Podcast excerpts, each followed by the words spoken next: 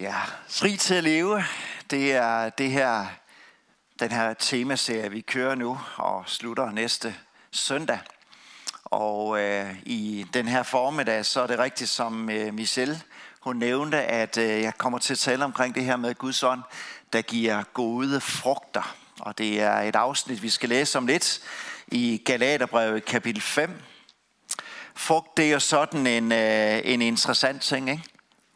Uh, vi kender det alle sammen. Uh, sådan en frugt, der smager rigtig godt. En uh, kønsløs frugt. En rigtig indbydende frugt. En råden frugt. Det er ikke rart at sætte tænderne i. Så det er et fantastisk billede, Paulus han bruger omkring det her afsnit, vi skal læse sammen. Fordi det er jo sådan lige så aktuelt i dag, smagen af god frugt, som det var dengang og at øh, noget frugt det er tiltrækkende for øjnene, det er venligt og det er imødekommende. Trine og jeg har nogle rigtig gode venner fra, fra Indien. De kommer fra, op fra Punjab, og hun øh, laver det mest fantastiske mad og, og sætter også stor pris på frugt. Og noget af det, hun siger både omkring mad og frugt, det er, at det skal se godt ud, det skal lugte godt, og det skal smage godt. Så er det rigtig mad. Og det må man sige, at det indiske køkken, det kan. Men det Paulus egentlig vil sige med det billede, det er, at Helligåndens mål og ønske, det er at forvandle os efterfølger Jesus, så vi på ydersiden og vi på indersiden kommer til at ligne og smage af nogle af de ting, som Guds rige ved Helligånden har plantet i os. Helligåndens frugt, eller karaktertræk, eller væremåder, eller sindelag, som står i dyb kontrast til vores faldende naturs måde at være på og leve på. Det er det, Paulus i det afsnit, vi skal læse, han kalder det kød, saks på græsk om det. For 14 år siden så talte Michael Rostved omkring det her med, at vi alle sammen er lige for Gud. At vi alle sammen besidder en syndig natur. Og vi alle sammen har brug for Guds hjælp og Guds indgriben. Og sidste søndag så talte Finn Eversen på glimrende vis og beskrev det forhold, at vi netop er retfærdiggjort ved tro. Det var faktisk også det, Silas kom ind på ved videoen her. At Gud kom i Jesus og forenede mennesker med sin skaber ved, at Jesus han døde på korset for vores synd. Det vi skammer os over, det blev lagt på Jesus skuldre. Men ikke nok med det. Han er opstået fra graven, og han lever. Og inden han får til himlen, så lovede han at sende Helligånden herned og fylde de af disciple, som nu skulle være alene. Og det gjorde han på pinsedag. Og de blev forvandlet, og de blev fyldt med frimodighed, da de fik et nyt møde med den Helligånd, som kom i den. Og netop hvad det nye liv, hvor Helligånden får lov til at bo herinde, hvad det medfører, det er det, som Paulus tager fat på i det afsnit, vi skal læse sammen. Men hvorfor har Paulus brug for at skrive om, hvad det betyder at leve et liv kontrolleret af helligånden, mere end et liv kontrolleret af kød eller det gamle menneske? Det er fordi i kirken så var der nogle forskellige kræfter. Der var de kræfter, som i talte for at følge loven, følge Moses, og dermed alle regler. Og så blev troen sådan degraderet til en gerningsreligion. Og Paulus har tordnet imod det. Uforstandige galater. Hvem har forhekset jer? Vil I begynde i ånden og slutte i kødet? Stop nu med det der. Fis med at gøre det hele ned til regler og bud og kommandoer. Samtidig så var der en anden gruppe i kirken, som tog frihedsbudskabet så meget til sig. Så øh, det på en eller anden måde var ligegyldigt, hvordan man lever. Du skal bare gøre, hvad du føler for. Det er sådan set lige meget. Uden nogen form for moralsk kompas. Og det lader til, at i, i kirken så bider og slider de to grupper sådan lidt på hinanden. Og så har Paulus' budskab, det er, lad nu din måde være at leve helligånds kontrolleret. Jeg skal vise, hvad det betyder, siger han. I stedet for at være styret af det gamle menneske faldende natur, det skal jeg også gerne fortælle jer, hvad det betyder, siger han. For det er kun igennem et liv let, fyldt og styret af Helligånden, at du kan leve for Gud. Og det er kun derigennem, at du ikke giver efter for din og min syndige naturs lyst og tilbøjeligheder. Så hvad betyder det så? Hvordan lever man det nye liv, som udtrykker sig i frugt, som både er indbydende, smagfuldt og godt? Hvordan erfarer man, at Guds ånd giver gode frugter? Det er det, vi skal læse sammen i Galaterbrevet kapitel 5 og vers 13-26. Brødre, I er blevet kaldet til frihed. Brug blot ikke friheden som et påskud for kødet, men tjen hinanden i kærlighed. For hele loven er opfyldt i det ene ord, du skal elske din næste som dig selv. Men hvis I bider og slider i hinanden, så pas på, at I ikke æder hinanden helt op. Hvad jeg mener, det er, I skal leve i ånden, og ikke følge kødets lyst. For kødets lyst står ånden imod, og ånden står kød imod. De to ligger i strid med hinanden, så I kan gøre, hvad I vil, men drives i ånden, så I ikke under loven. Kødets gerninger, de er jo velkendte. Utugt, urenhed og udsvævelse, afgudstyrkelse og trolddom, fjendskaber, kiv, besundelse, hissighed, selviskhed, splid, klikker og nid, drukkenskab og svir, også mere samme slags. Jeg siger på forhånd, som jeg før har sagt jer, de, der giver af altså sig med den slags, skal ikke arve Guds rige. Men åndens frugt er kærlighed, fred, kærlighed, glæde og fred. Tålmodighed, venlighed, godhed, trofasthed, mildhed og selvbeherskelse. Alt det, der er loven ikke imod. Og dem, som har hører Kristus til, har korsfæstet kødet sammen med lidenskaberne og begæringer. Så lever vi i ånden, så skal vi også vandre i ånden. Så lad os ikke bilde os noget ind. Lad os ikke tige og misunde hinanden. Der er tre sider i det her afsnit, som udfolder den her sandhed, at Guds ånd giver gode frugter. Og det er de tre ting, vi skal stands op ved i formiddag. Det første det er, at Guds ånd giver gode frugter ved at leve i helgen og bruge friheden til at tjene hinanden i kærlighed. Vers 13 til vers 15, der taler om det. Det vil sige, det at du er retfærdiggjort ved tro, det er vi ved noget af et Guds barn, og vi nu tilhører Gud, da vi lukkede ham ind. Det er frihed. Du skal ikke længere igennem dine gerninger forsøge at opnå frelse. For at tage dig sammen og blive et bedre menneske. Følge alle reglerne. En, jeg døbte for en del år siden, som kom til mig efter, følgende efter hun blev døbt, så siger hun, hvor er så, øh, hvor er bogen?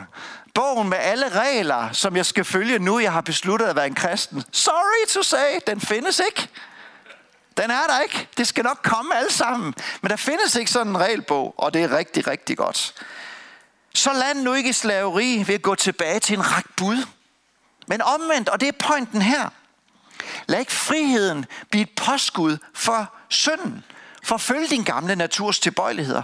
Kristus har sat dig fri fra en gerningstro, for at du kunne være slave af kærlighedens lov, der hedder, tjen hinanden i kærlighed. Så du behøver ikke lade kødet reagere. Det er frihed. Men friheden for Jesus må blot ikke blive brohoved for kødet. Brug i stedet friheden. Brug det nye liv, du har fået i Helligånden til at tjene hinanden rent praktisk. Fri i Kristus for den jødiske lov, for i stedet at blive slave af Kristus for kærlighedens lov. Så troen og det nye liv, det arbejder sig ud igennem os, og det centrerer os om lovens kernebudskab. Den kongelige lov, elsk de næste som dig selv. Det er egentlig Paulus æring at vise af kristen kærlighed. Det er i virkeligheden at udleve lovens essens. Brug frihedens ret ved at gøre dig selv til en slave eller en tjener for hinanden af ren og skær kærlighed.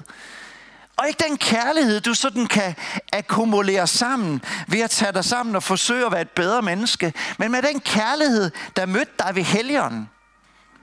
Da Jesus kom ind i dit liv, den helgen og den kærlighed, som er udgivet i dit hjerte. Lad det få gennemløb på en måde, så den møder og gavner det fællesskab, du er en del af i kirken og i din hverdag. Elsk. Ikke ved at tage dig sammen, men ved at lade ånden få lov til at virke igennem dig. Slave af synden. Det er jo forfærdeligt, for du kan ikke gøre dig fri af den. Klæber til dig som fluepapir. Født med en syndig natur. Slave af loven, det er byrdefuldt. Det er umuligt at leve op til. Men slaver for hinanden, det er frivilligt. Og det er kilden til den største glæde i livet, at få lov til at tjene hinanden. Og det er kun muligt at blive fri igen nærværet, og igen med erfaring af Helligåndens kraft, og det nye liv, der flyder fra ham, som vi sunget om i formiddag, det vil føre til tjenerskab af hinanden. Ikke som en robotting, men som en daglig overgivelse til ånden i vores liv. At bede Helligånden om at give dig det, du trænger til, for at kunne elske et andet menneske, som du ikke elsker. Jeg køber simpelthen ikke kemidiskursen. Jamen, vi har ikke kemi sammen. Vis mig et eller andet sted i det nye testamente, hvor det står. Jeg erkender, at der er nogen, man fungerer bedre sammen i et samarbejde med et andre. Men kaldet og kraften ved helligånden, det er til stede til at kunne elske et hvert menneske. Ven, fjende, elskelig, uelskelig. Og der må vi bare sige, det har vi ikke. Ja, siger Gud, det er så dejligt. Det er derfor, du har brug for helligånden. at for det du ikke har. Og jeg giver det gerne. Bliv fyldt af helligånden. Må min kærlighed få lov til at flyde igennem dig. Så du ser og møder et hvert menneske med min kærlighed og min varme. Og så bliver vi nødt til at synge, som vi sang her, Lord, I need you. Det har vi ikke selv. Jeg har ved 10 år fået lov til at være forstander på en højskole. Og det var som om hvert år, så sendte Gud en eller to elever, som på en eller anden, på en særlig måde udfordrede mit kød. Åh, hvor jeg virkelig havde svært ved at elske. Og det var særligt typer, som sådan øh, var sådan lidt overåndelige i deres tilgang. Åh, oh, det er bare så fantastisk. Gud, han er bare så god. Men stå op om morgenen, det kunne man ikke. Passe sin rengøring, det kunne man heller ikke. Være ordentlig over for andre, det kunne man heller ikke. Åh, oh, jeg kunne bare nogle gange... Mm, det hænger sammen.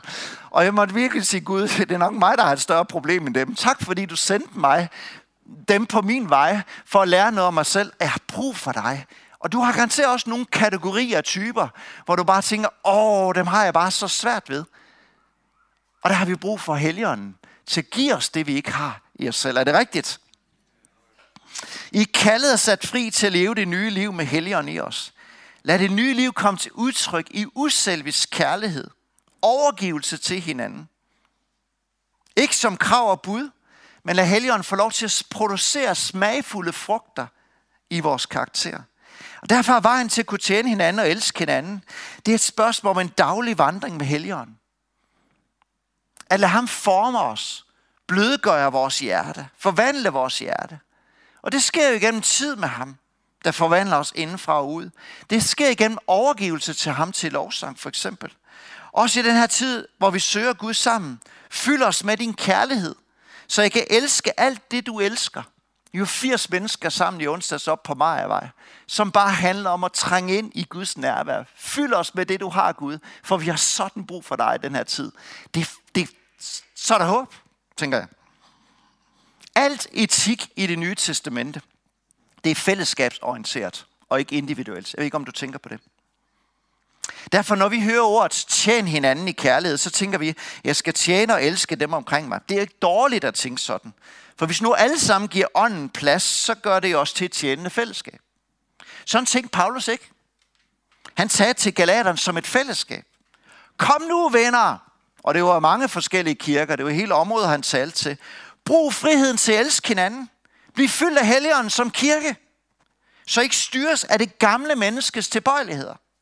Det har jo vidtrækkende konsekvenser, hvis du kom ind i et fællesskab, hvor alle var slaver af kærlighedens lov. Men det er det, han kalder på din overgivelse, din daglige fylde af ånden, den forvandling Helligånden skaber i dig og mig, har ud over en fantastisk betydning for dig selv, en fantastisk betydning for vores fællesskab. I vores life group, på vores tjenesteområde, i din familie. Om det mennesker oplever i mødet med os, er en kirke, som er født, let og forvandlet af Helligånden, så det mærkes i tjenende kærlighed. Det var det, første, han gerne vil sige til dem. Og så det andet, han gerne vil sige til dem, det er, at Guds ånd giver god frugt ved at leve i ånden, og ikke følge din gamle menneskelige natur.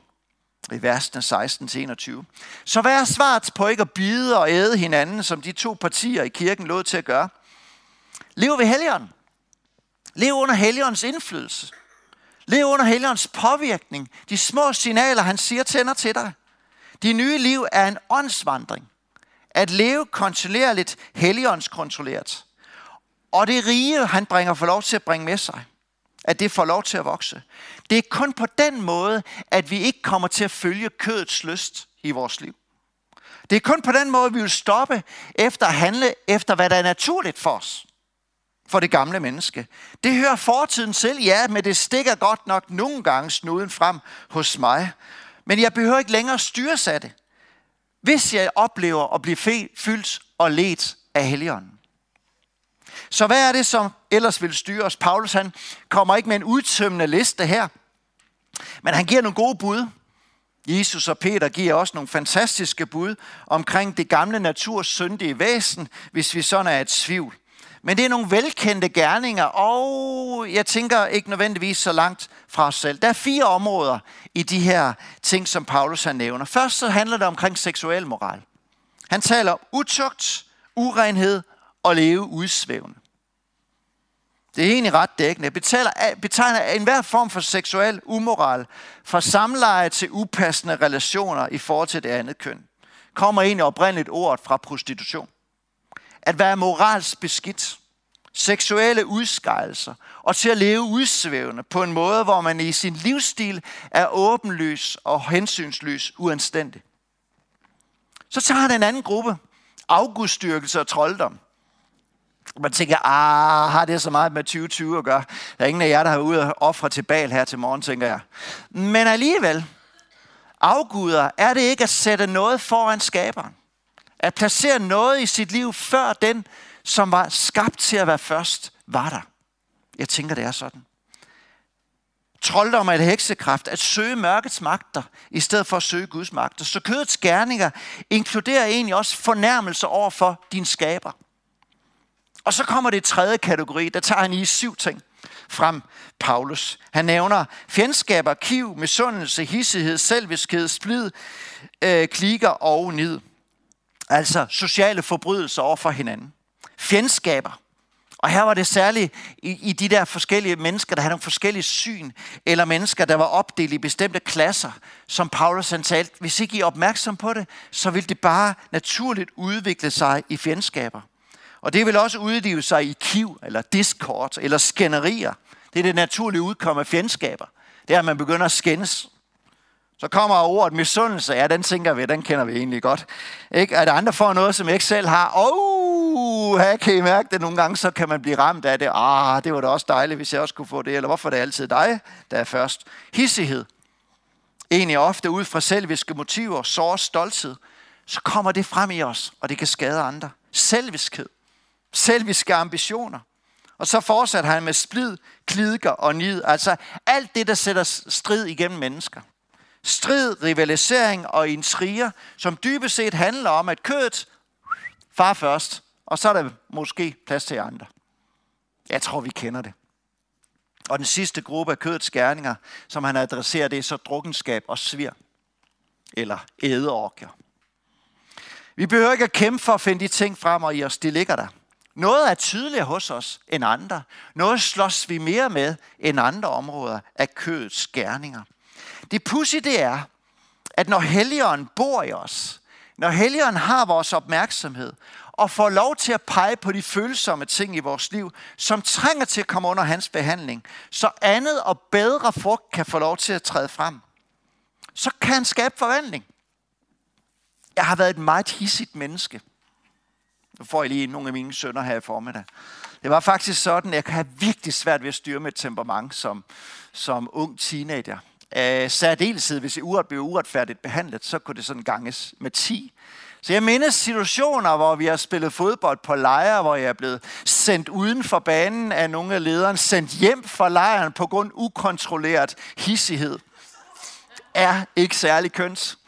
Og med den ene eller anden hånd, så ville jeg virkelig gerne bare tjene Jesus. Jeg ville virkelig gerne leve for ham. Og så havde jeg bare den her kæmpe, øh, ukontrollerede del af min faldende natur. Og jeg kan huske, hvordan jeg efter en gang, speciel gang, simpelthen sagde, Gud, Du må simpelthen hjælpe mig. Du må skabe noget hos mig. Fordi det her, det går ikke. Folk gider ikke lytte til noget, man står og siger, og så gør man bare på noget, som er fuldstændig diametralt modsat. Jeg har virkelig angrende har brug for Gud. Og Gud gjorde noget. Jeg kan huske den dag nu. Gud gjorde et eller andet i mit hjerte, fordi han så det. Ja, jeg har stadigvæk temperament. Ja, jeg har stadigvæk kolerisk af natur.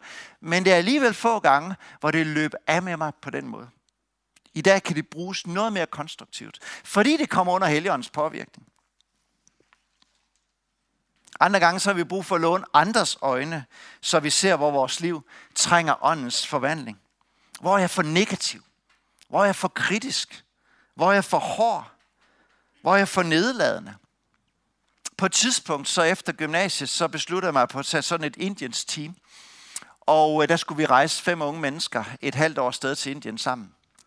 Ugen før vi tager afsted, så en af dem, jeg skal rejse med, hun beder om en samtale. Jeg var 19 år på det tidspunkt. Og så står hun, og hun græder. Og hun siger, Kent, jeg, for, jeg, jeg, kan, jeg forstår dig ikke. Jeg kan ikke forstå, hvornår at du er seriøs, og hvornår at du er sjov. Øh, hvornår det, du siger, det mener noget, og hvornår du ikke mener noget. Og det, hun hensyd til, det var, at der hvor jeg kom fra i Aalborg, der var jeg opvokset med en meget, meget kraftig sarkasme og en meget, meget udviklet ironi. Og den levede bare som en del af mit liv. Og pludselig kunne jeg se, det her, det er ikke okay. Her står jeg konstant og, og, og bringer hende, skaber utryghed, og nu skal vi rejse sammen. Så jeg må simpelthen den der eftermiddag, jeg kan huske det nu, og sige, undskyld, tilgiv mig, jeg omvender mig. Det kan jeg godt se, det er forkert. Det er aldrig nogensinde tænkt på før. Og det blev sådan en, en, et åndsværk og et håndsværk. Jeg vil gerne sige, at jeg har aldrig nogensinde brugt ironi siden. Not. Men der skete en forandring den dag. Der var noget, der blev anderledes. Hvor jeg kunne sige, Gud, du må hjælpe mig med det, fordi jeg, jeg er opdraget til at tænke sådan her. Hele miljø, miljø, der var vi bare dybt i, sarkastiske. Jeg prøver at spørge Torsten Conner ned på Bagerstrak. Vi er vokset op sammen. Han var værre end mig. Hvordan skaber vi et miljø, hvor helligånden får lov til at tale, hvor vi har opmærksomhed på, hvad der trænger forvandling, men også et miljø, hvor vi i kærligheden hjælper hinanden til at ligne Jesus mere. Og ikke udlever kødets gerninger. At vi ikke lukker øjnene for hinandens kød. Heller ikke kommer som bedre vide, nu skal jeg fortælle dig, hvordan det hele det hænger sammen. Men hvordan er vi med til opmærksom på, hvad vi er, vi slæber med ind i fællesskabet? Og hvad vi tillader at vokse? Hvordan kan vi på en kærlig måde opmuntre hinanden til at Helligånden virke i os? Tænk hvis ikke hun har taget den snak med mig. Så er jeg måske bare kørt videre på samme måde. Jeg tror, nøglen det er proces. Det er en personlig vandring, tæt og nær ved Helligånden. Og så er det også at have mennesker omkring en, som er med til at hjælpe hinanden til mere Helligåndens liv og mindre gammel kød hvis I forstår billedet. Husk, at Helligånden kan forvandle alt. Så når du tænker, åh, den gamle nisse, den gnavpot, altid det samme brok, altid det samme negative snak, eller om dig selv, hvor du oplever, ah, der er bare dybe spor af kød, som bare ikke vil ændre sig. Husk, vi har en Gud, som kan forvandle alt. Et hvert menneske, som siger, Gud hjælp mig, der kan bare komme med sin ånd, bum, og skabe forvandling. Er det ikke godt? Det er da et fremragende budskab, vi har i evangeliet. Vi kan ikke, men Gud kan. Så det at leve i helligånden og ikke følge kødets lyst, ja, det er åndsværk og håndsværk. Men det er primært at overgive os og bede Gud om, at lade gode frugter vokse frem i mit liv, der hvor jeg oplever, at kødet rammer mig og styrer mig. Frugt kommer af sig selv, de kan ikke presses frem, men det handler om at være himmelvendt og følsom over for helligånden i vores liv, og følsom også over for andre mennesker, der kan være med til at lede os hen imod mere frugt i vores liv. Er det rigtigt? Vi er på vej, er vi ikke det? Jeg synes, vi er. Forsoningsprocessen i kirken, som vi gennemgik, det er for mig en meget, meget fin vidt ting. Og den havde afgørende betydning, tror jeg, for Guds ånds virke i dag. Og i den tid, der ligger foran os lige nu, så er vi også nødt til at spørge os, hvad er det, der trænger åndens berøring? Er der fordomme? Er der holdninger over for nogen, vi kommer til på en eller anden måde at tage et opgør med? Jeg tror, vi får brug for rigtig meget kærlighed de kommende år, når mennesker kommer ind i vores fællesskab med nogle helt andre holdninger end vores kristne. Men de har fået et møde med Jesus, uden at de nødvendigvis har fået alle de kristne dogmer på plads. Hvad bliver Kasper Christensen mødt af? Kan vi rumme ham? For at trække en parallel til for 14 dage siden. Tænk i gang på nogle af de mennesker, som du har aller, aller sværest med at rumme. Hvordan vil du have det med, de sidder her i kirken, har oplevet noget med Gud, uden de nødvendigvis har fået styr på alle de ting, vi som mange af os, som sidder i kirken her, tænker, det har vi styr på.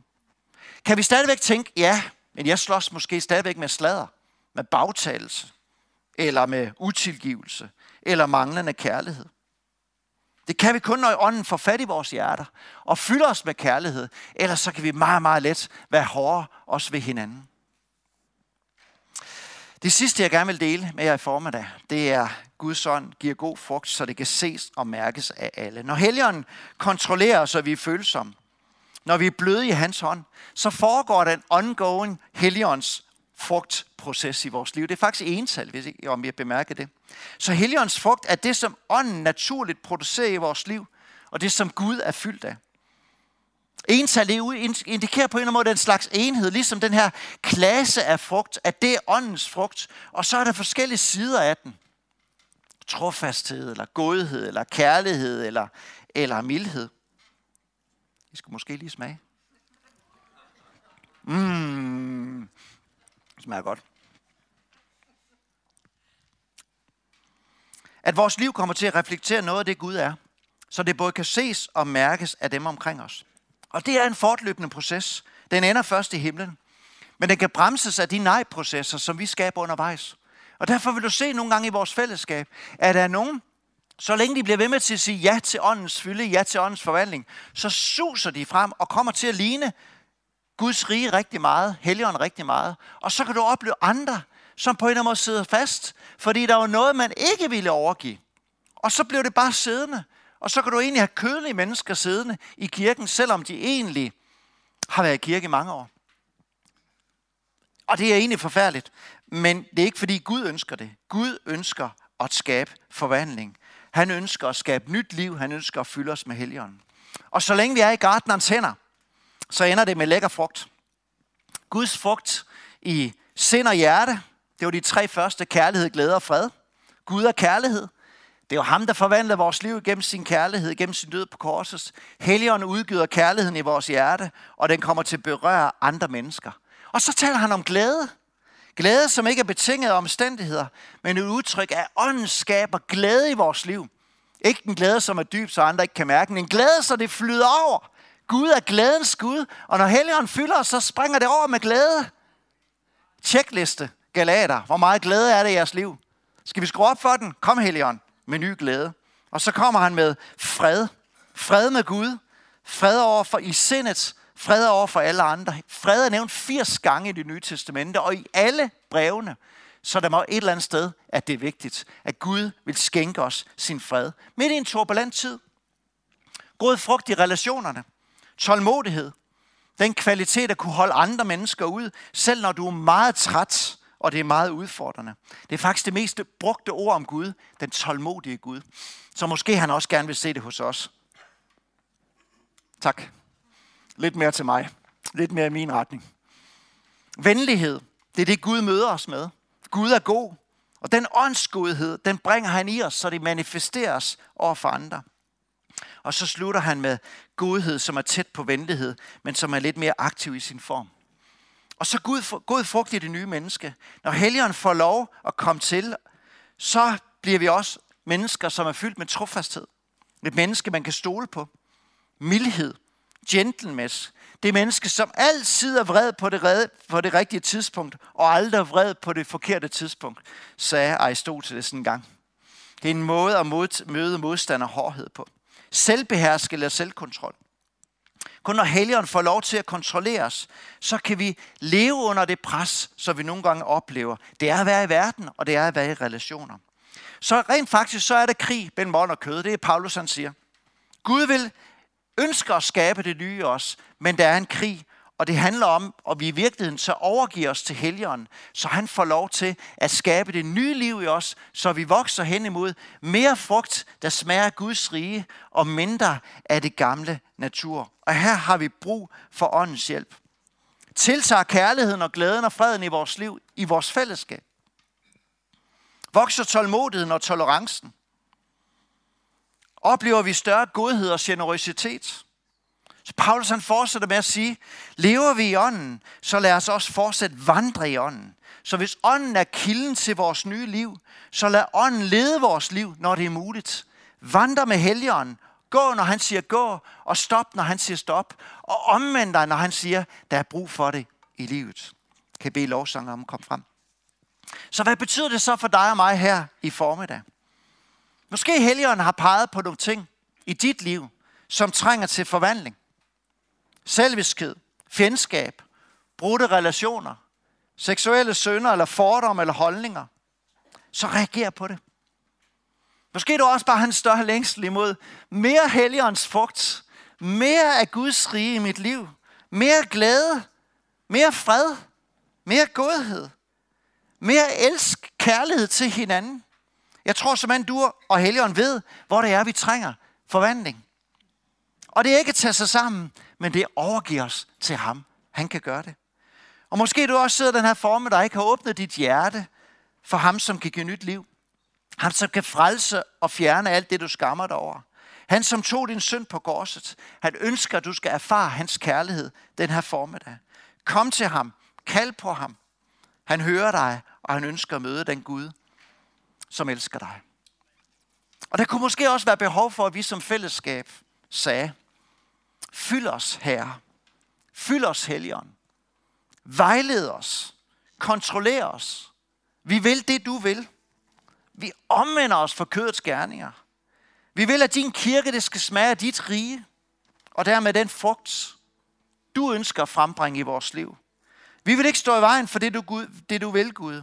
Vi vil, at vores hjerte det skal være blødt, det skal være formbart, og det skal være lydigt over for dig. Kan vi rejse os op? Jeg vil gerne bede forbederne også kommer frem. Jeg vil gerne bede en kort bøn. Og så vil jeg gerne give mulighed for at øh, komme frem og søge forbøn. Det kan også være, at du sidder med et behov, hvor du har brug for Guds indgriben. Helbredelse, eller fysisk, eller et ting, du bare på en eller anden måde slås med. Så kan du også mulighed for at komme frem i min venstre side, jeres højre. Jeg tror, det er et kald til os den her formiddag, som handler om, at Gud kom til i mit liv. Jeg overgiver mig til dig. Jeg vil se dig og dit rige og din ånd få lov til at fylde mere i mit liv, så der bliver mere, der smager af himlen og hans rige, og mindre, der smager af det gamle faldende menneske. Og det er kun Gud, der kan gøre det. Vi kan ikke, men vi vil gerne være med til at bede. Jesus, tak fordi du er her den her formiddag. Tak fordi du er her for at bringe liv, frembringe gode frugter i vores liv. Både procesmæssigt, men også spontant, hvor vi overgiver os til dig. Jesus, vi har bare lyst til at sige, vi vil overgive os til dig. Vi ønsker, at du skal få lov til at være herre i vores kirke, i din kirke. Vi ønsker, at du skal komme til. Vi ønsker at vokse. Vi ønsker at se mere af dig i vores fællesskab, og mindre af det gamle menneske. Kom og mød os, der hvor vi trænger til, i Jesu navn. Så skal vi synge en sang sammen. Og lad os turde reagere i formiddag. Lad os ikke lade menneskefrygt binde os. Oplever du noget af det her talt til dig, så reager. Så er det en sag mellem dig og Gud, og ikke alle mulige andre. Lad os søge ham sammen.